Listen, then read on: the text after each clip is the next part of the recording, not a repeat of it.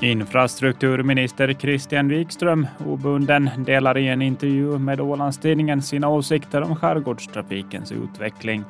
Förslag som lantrådet Veronica Törnros Centern tar avstånd ifrån. Den nu sittande landskapsregeringen har inga sådana planer, säger hon.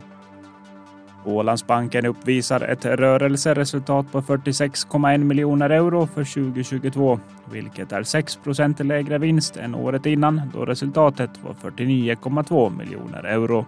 Trots ett mycket turbulent år så gör Ålandsbanken ett resultat i nivå med tidigare toppnotering, säger vd och koncernchef för Ålandsbanken Peter Wiklöf.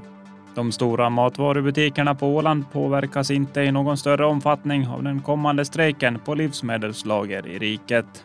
Strejken är utlyst av servicefacket PAM och påverkar 25 000 till 30 000 löntagare, bland annat inom matbutiker och lager.